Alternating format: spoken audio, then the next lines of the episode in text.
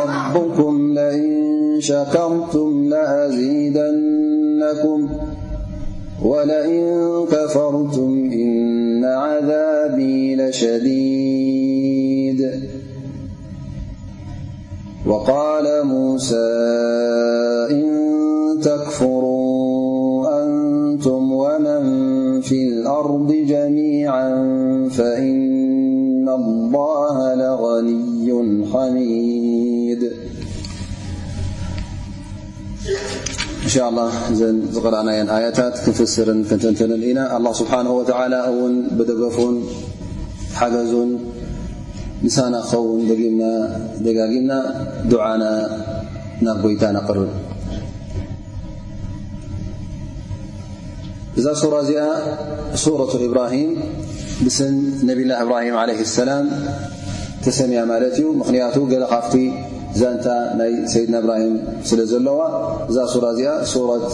እብራሂም ወይ ብሱረት እብራሂም ዓለይህ ሰላም ትፍለጥ ማለት እዩ እዛ ሱራ እዚኣ ውን ሱረቱን መክያ ስለ ዝኾነት ከምተን ዝሓለፋ ሱራታት እቲ ሒዛቶ መጽያ ዘላ ኣርእስትታት ወይ ከዓ እቲ ቐንድታት ኣብ ምንታይ እዩ ነይሩ ማለት እዩ ጉዳይ ናይ መልእኽቲ ናይ ዮም ቅያማ ናይ በዓት ማለት ትንሳኤ ናይ ምፅት ዓለም ናይ ጀዛ ፃማኻ ትረኽበሉ መዓልቲ ከም ዘሎ ማለት እቲ ቐንድታት ነቢና ሓመድ صለ ላه ለ ወሰለም ይኹን ካልኦት ቶም ኣንብያ እውን እተለኣኽዎ እቲ ቐንዲ ናይ ኢማን ጉዳይ ዝሓዘት ሱራ ትኸውን ማለት እዩ እንተ ብዝያዳ ዝያዳ እዛ ሱራ እዚኣ ኣትሪራ ዘኻኽረሉን ትምርኮሰሉን እንተ ክንጠቅስ ኮይና ቀዳማይ ነጥቢ ጉዳይ ሓቅነት ናይ ልኡኻት ኣላ ስብሓን ወተዓላ ብቐንዱ ድማ እቲ ሓደ እቲ መልእኽቶም ሓደ ከም ምዃኑ ውሕደት ሪሳላ ወሩሱል እቲ መልእኽትን እቶም ልኡኻትን ሓንቲ መልእኽቲ ሒዞም ዝመፁ ፃውዒቶም ሓንቲ ከም ዝነበረት መርገፆም ሓደ ከም ዝነበረ ከምኡ ውን እቶም ተፃባእቶም ክሓቲ ውን ኣንፃሮም ይቃለሱ ከም ዝነበሩ ንሶምን ኣንጻርዚ ክሕደት እዚ ደው ኢሎም ይቃለሱ ከም ዝነበሩ ኣብ መንጎ ክልቲኦም እውን ፍልልይ ከም ዝነበረን ኣብ መንጎቲ እምነትን ክሕደትን እውን ግርጭት በብዓይነቱ ከም ዝነበረ እትርኢ ማለት እዩ ስለዚ ከም ሓንቲ እማ ኮይኖም እመት ልኢማን ደው ኢሎም እቲኦም ድማ እቶም ናይ ክሓቲ እውን ከም ሓንቲ እማ ኮይኖም ኣብ መንጎ ክልቲኦም ፍልልይ ተረኺቡ ክልቲኦም ድማ ነቲ ነናቶም መርገጽ ነናቶም መትከል ንምዕቃብ ይቃለሱ ከም ዝነበሩ ካልኣይ እውን ካልኣይ ነጥቢ ብዝያዳ እዛ ሱራ እዚኣ እተብርሆ ብዛዕባ እቲ ዘመስግን ሰብ ወይ ከዓ እቶም ኣላ ስብሓን ወተዓላ ዝሃቦም ሽሻይ ዘመስግኑ ኣላ ስብሓን ወተዓላ ብሰንኪ ምስጋንኦም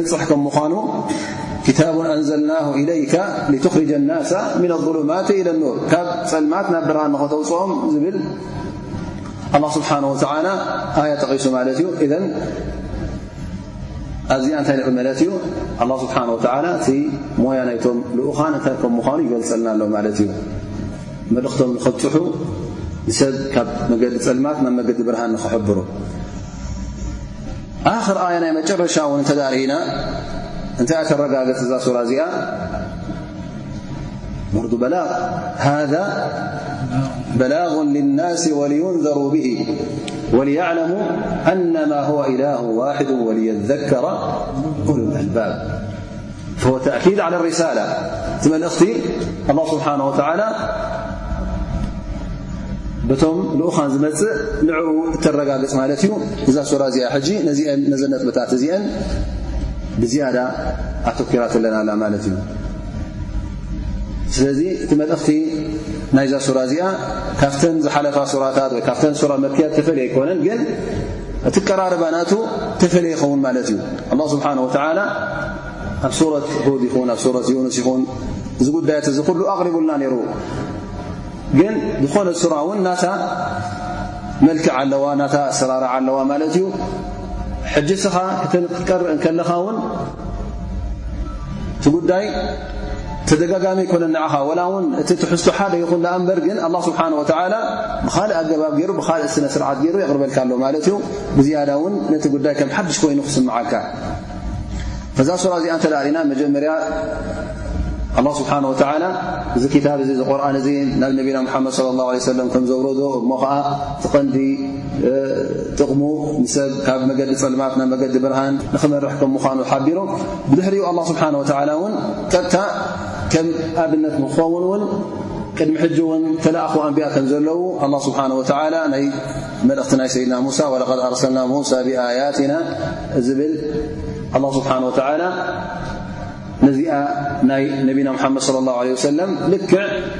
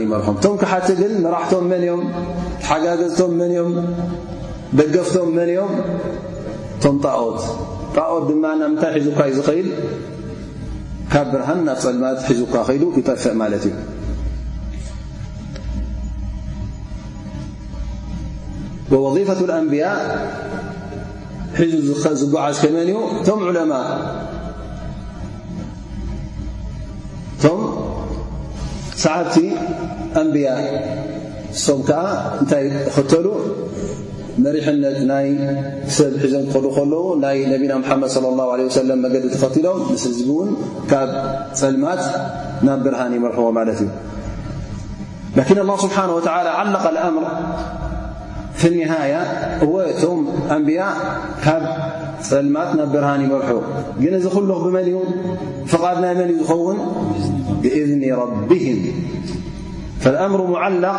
بيد الله سبحانه وتعالى يهدي من يشاء ويضل من يشاء فهو الهادالله سبحانه وتعالى ص لح خيرإمان زلذلكالله سبحانه وتعالى كما ذكرنا يل الله ولي الذين آمنوا يخرجهم من الظلمات إلى النور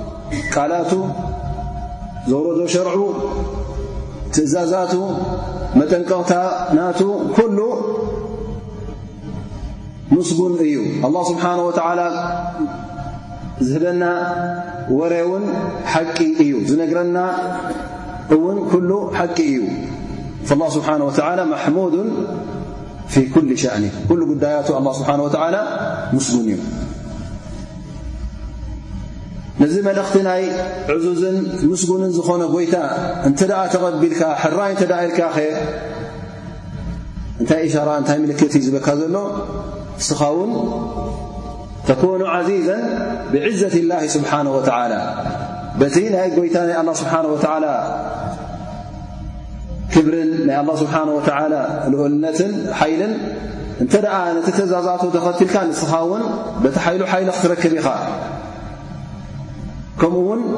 እቲ ትገብሮ ዘለኻ ተግባራት ምስጉን ክኸውን እዩ ቅቡል ክኸውን እዩ ኣላ ስብሓን ወተዓላ ክቕበሎ እዩ ስለዚ እቲ ናይ ኣላ ስብሓን ወተዓላ ትእዛዝ ንምኽታልካ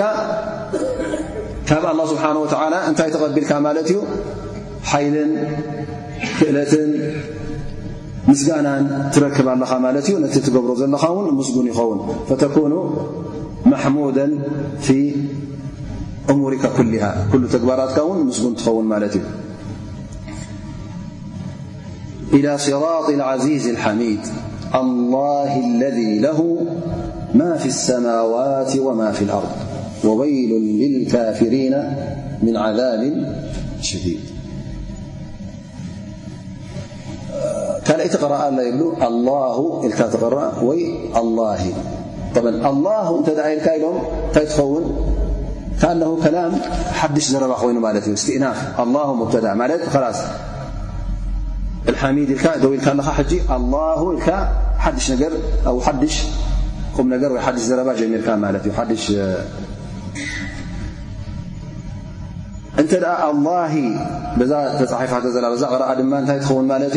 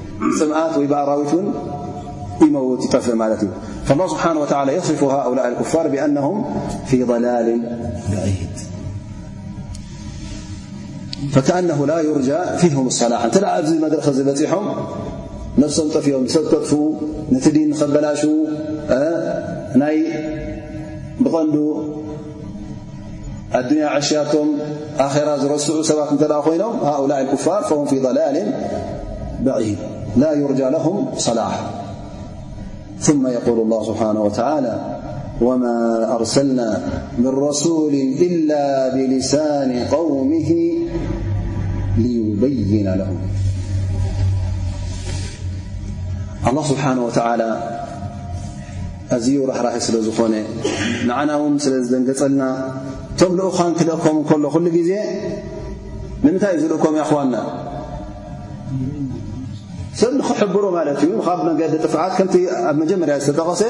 ካብ ጸልማት ናብ ብርሃን ክመርሕዎም ፈሊዘ እንተ ከምኡ ክኸውን ኮይኑ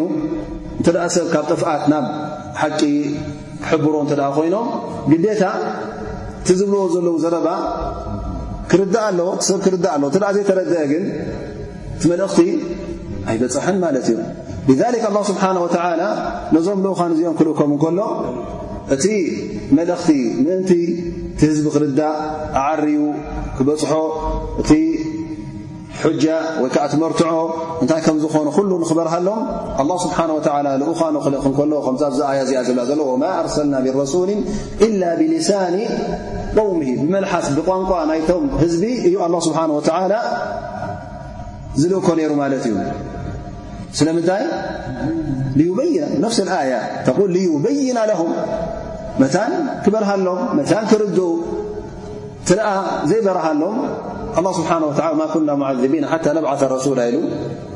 እንተ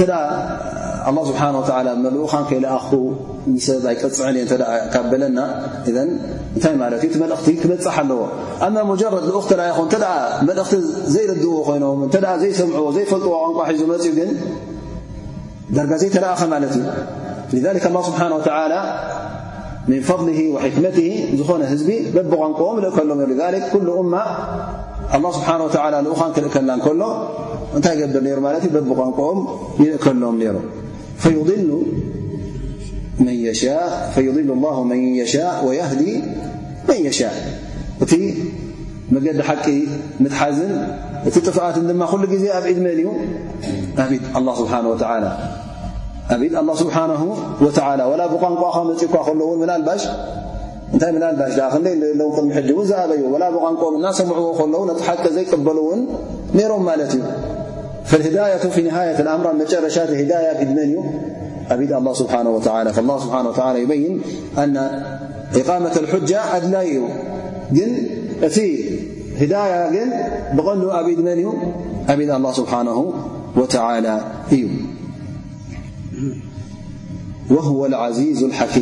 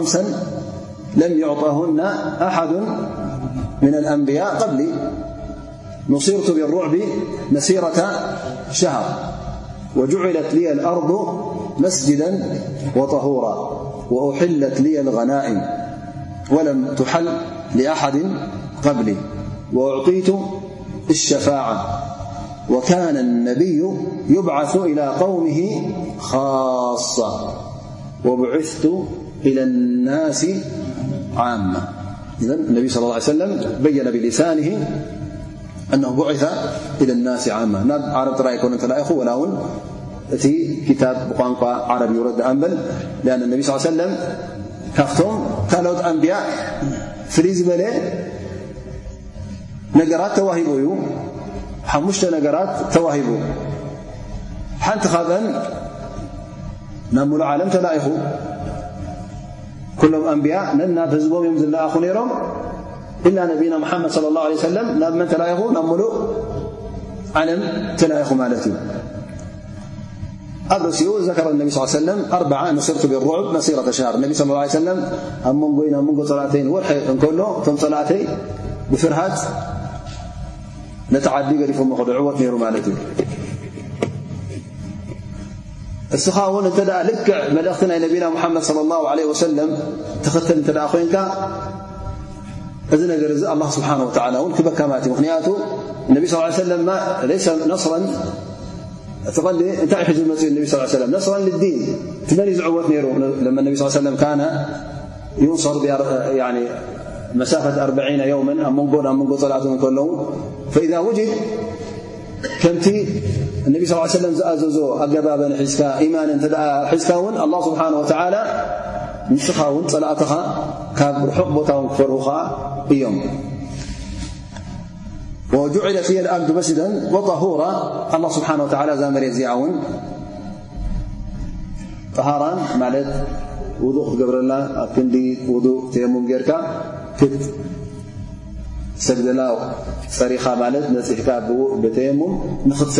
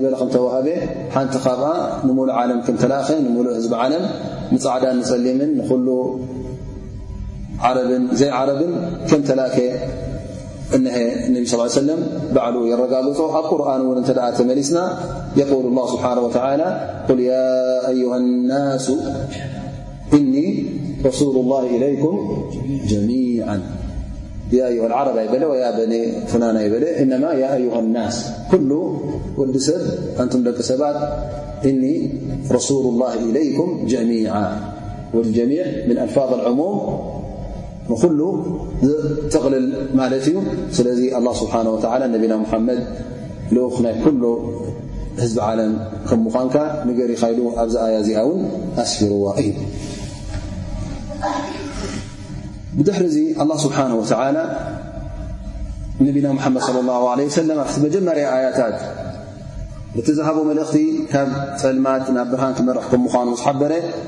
ድሕሪኦ እውን ኣላ ስብሓን ወተዓላ ንነቢና መሓመድ በቲ ቅድሚ ሕጂ ዝነበረ መልእኽትታት የዘኻኽሮ ኣሎ ማለት እዩ እሱ ኸዓ ልክዕ ከምቲ ናይ ነቢና ሙሓመድ صለ ላه ለ ሰለም ከም ዝነበረ ያ ሙሓመድ እስኻ ተለኣኽካዮ ልክዕ ቅድሜኻ እውን ልኡካን ተላኢኾሞ እዮም ሙሳ ዓለይሂ ሰላም እንተ ክጥቀስ ኮይኑ ልክዕ ከማኻ ምእንቲ ንህዝቡ ካብ ጸልማት ናብ ብርሃን ንኸውጽእ እዩ ተላኢኹ ኢሉ ኣላ ስብሓን ወተዓላ ነቢና ሙሓመድ ስለ ላ ሰለም ሓድሽ ተልእኾ ሒዙ ከም ዘይመጸ እንታይ ደኣ መቐጸልታ ናይቲ ዝሓለፈ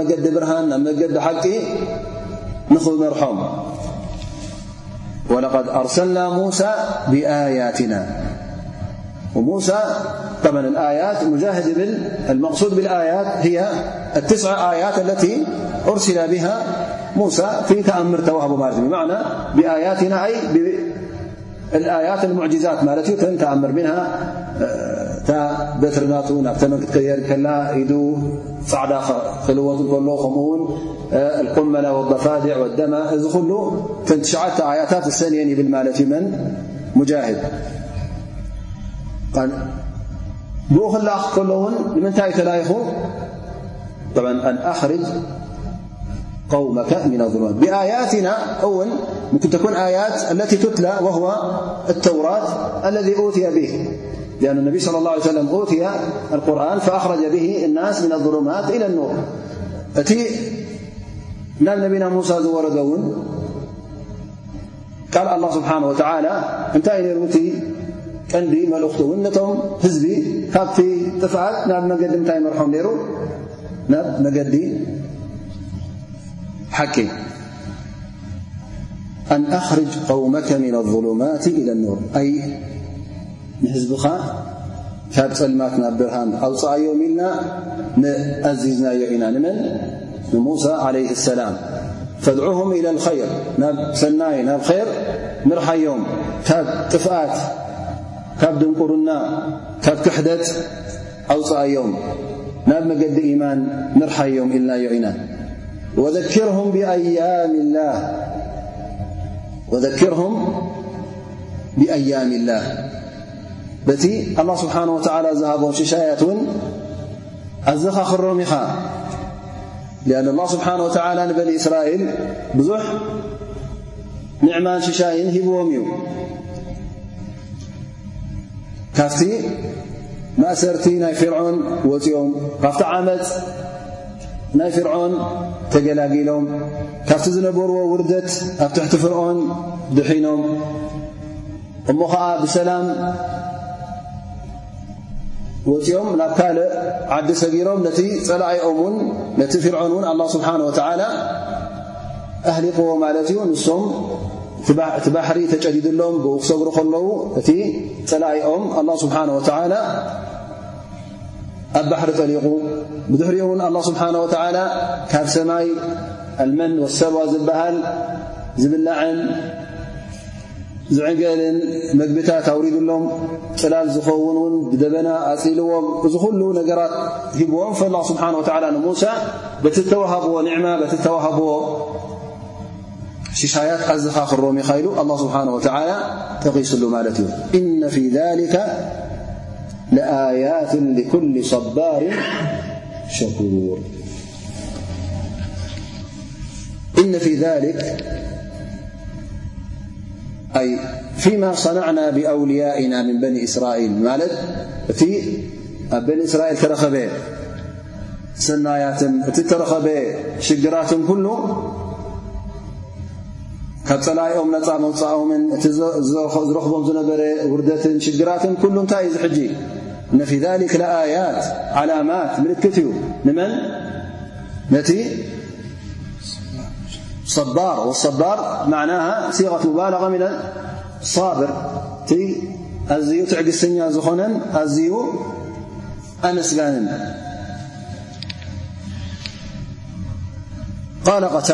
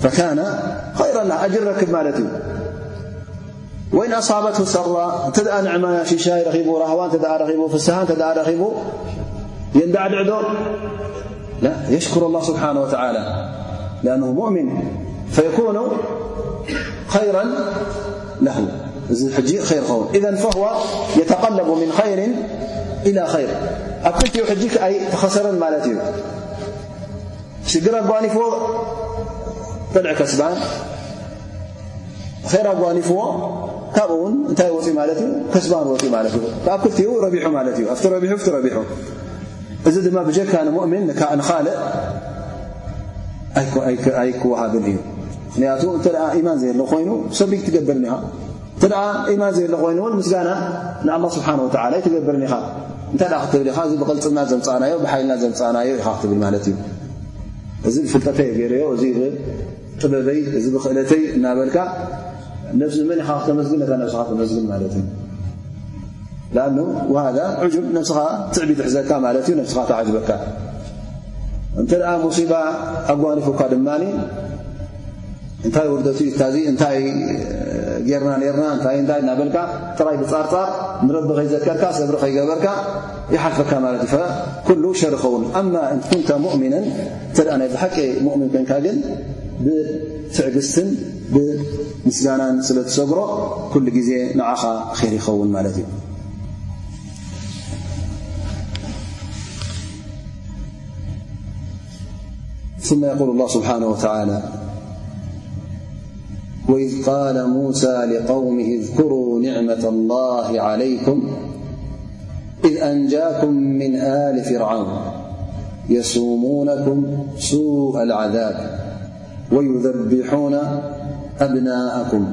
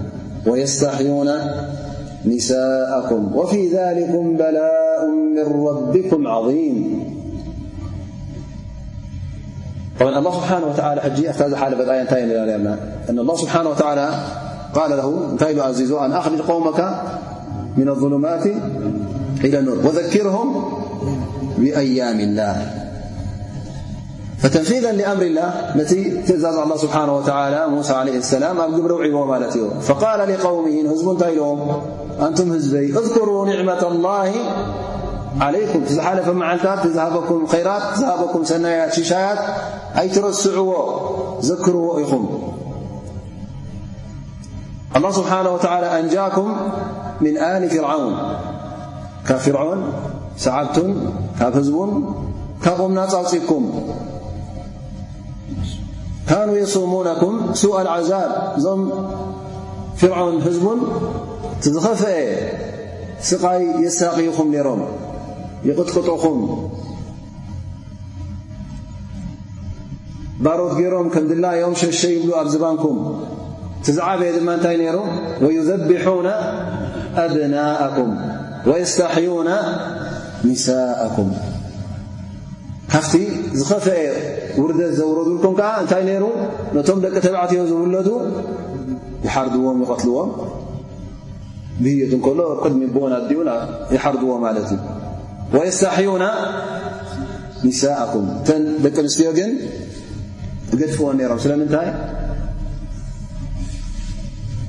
ምኽንያቱ ደቂ ተባዕትዮ እንተ ደኣ ጎቢዞም ንሶም እኽዋግኡ